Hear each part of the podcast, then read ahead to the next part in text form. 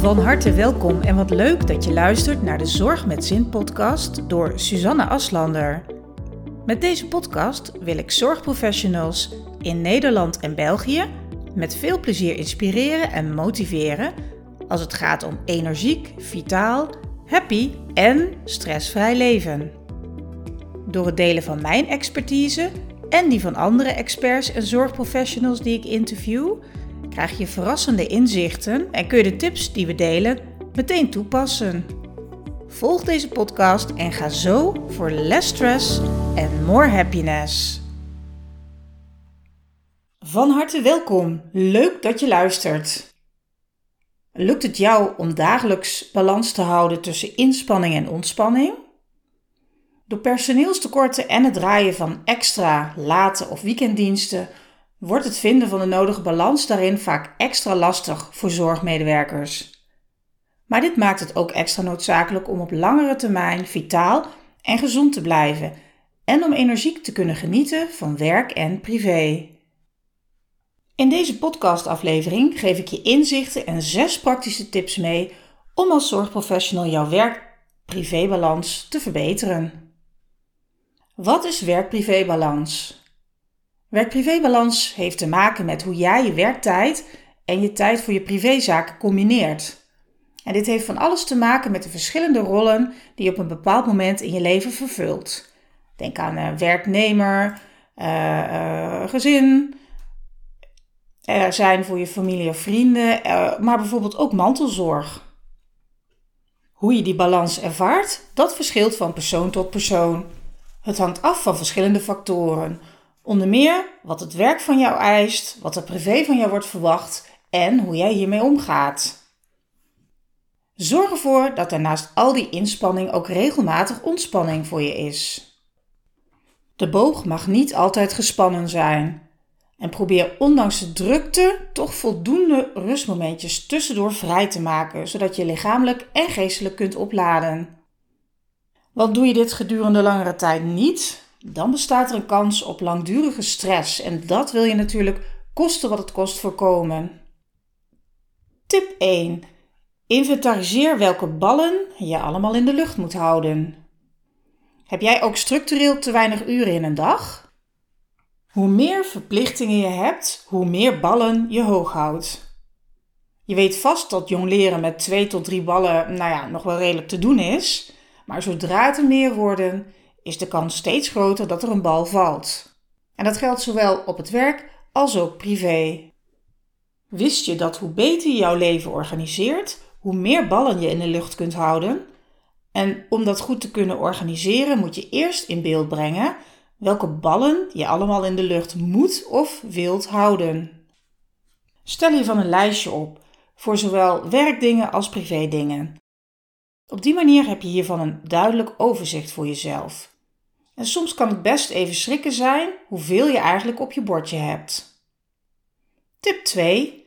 Realiseer je dat het niet om tijd gaat, maar om prioriteit. De volgende stap is dat je gaat kijken naar wat echt urgent en belangrijk is van al die dingen die je op je lijstje hebt staan. Bekijk dan welke dingen overblijven. En ga voor jezelf eens na of je iets van die lijst misschien kunt overdragen aan iemand anders op het werk of thuis. Vraag het gewoon. Mensen helpen elkaar graag. Dus de kans dat iemand je helpt en je dingen van je lijstje kunt wegstrepen is best groot. Je kunt natuurlijk ook iets van je urgent en belangrijk lijstje aan iemand anders vragen. Zo zorg je voor meer rust voor jezelf. Kijk ook wat er nu eigenlijk allemaal echt moet. En vooral van wie dat moet. We zeggen namelijk al snel dat iets moet. Wist je dat het gebruik van het woordje moeten op zich al meteen een bepaalde druk met zich meebrengt? Vervang dit woord moeten op je lijstje en ook in je taalgebruik is door mogen of kunnen. En dan voel je meteen het verschil al. Hè? Als je bijvoorbeeld zegt: Ik moet vandaag schilderen, hè, klussen. Als je zegt, ik mag vandaag schilderen. Of ik kan vandaag gaan schilderen. Weet je, dat geeft meteen een totaal ander gevoel. En um, ja, het, het, neemt ook meteen veel minder lading qua stress met zich mee. Tip 3. Neem tijd voor jezelf met jezelf. Ook al ben je als zorgprofessional een echt mensenmens, probeer ook tijd af en toe echt helemaal alleen door te brengen. Sommigen, en veel zelfs, hebben de behoefte om er altijd voor de ander te zijn en dus steeds ook bij anderen te zijn. En dat kost je hoe dan ook energie. natuurlijk geeft het je ook ontzettend veel energie, maar soms moet je echt even een stapje terugnemen. Ga dan terug naar de basis en denk bij met jezelf, voor jezelf. Tip 4. Laat die dingen los waar je geen invloed op hebt. Vaak kunnen we ons dagen en soms wel wekenlang druk maken om van alles. Dat is dan zo erg dat je er s'nachts misschien wel wakker van ligt. Ik heb daar een eenvoudig trucje voor dat bij mij in ieder geval erg goed werkt. Laat het volgende eens tot je doordringen. Het verleden kun je niet veranderen en de toekomst kun je niet bepalen. Toch zijn dit de twee aspecten waarmee we het meest bezig zijn in onze gedachten. Als je er eens goed over nadenkt, is het zonde van je tijd, toch? Want het enige waarmee je echt iets kunt en waar je ook invloed op hebt, dat is het heden, dus het hier en nu. En gebruik dit optimaal. Laat de gedachten over het verleden en de toekomst gewoon zoveel mogelijk los. Want ga maar eens na voor jezelf. Het grootste deel van jouw gepieker gaat waarschijnlijk over het verleden of over de toekomst. Betrap je jezelf hierop? Denk dan aan deze tip en probeer het ja, wat meer los te laten. Denk aan iets leuks of aan iets waar jij je op verheugt. Let dat je nu sneller in slaap valt. En hoe vaker je dit toepast, hoe gemakkelijker het gaat. Tip 5. Zie balans aanbrengen als a way of life. Balans aanbrengen in werk en privé. Dat doe je niet voor een keer of voor even, want dan heeft het maar weinig effect. Probeer balans aanbrengen eigenlijk tot een soort kunst te verheffen voor jezelf. En begin daarbij wel altijd in kleine stapjes, want op die manier wordt het gemakkelijker om jezelf een gewoonte aan te leren. Stel je wilt graag dagelijks minimaal 30 minuten echte me-time hebben. En de beste manier is om die tijd ook letterlijk in je agenda te blokken. Net zoals je dat doet als je een afspraak met iemand anders maakt. En wat hierbij heel belangrijk is, is dat je dan die afspraak met jezelf ook heel serieus neemt. Plan bijvoorbeeld die momenten voor de komende weken nu alvast in je agenda. Je hebt je rooster voor de komende week, dus je weet waarschijnlijk wel waar je wat tijd voor jezelf kunt vinden. Zet de tijd en de activiteit in je agenda. Ook al is het iets van 5 minuten, plan het in. Nog belangrijker is het natuurlijk om die afspraken met jezelf ook echt na te komen. Dus verplaats jouw kwartiertje lekker lezen in het zonnetje niet als er opeens anderen iets met je willen of van je willen. Laat afspraken met jezelf staan en pak dat moment. Doe dat vooral ook zonder schuldgevoel. Je hebt het namelijk echt nodig en het brengt je veel goeds in een stuk rust en balans aanbrengen in jouw drukke waan van de dag. Nou, na die eerste week plan je voor de week daarna opnieuw jouw me-time in.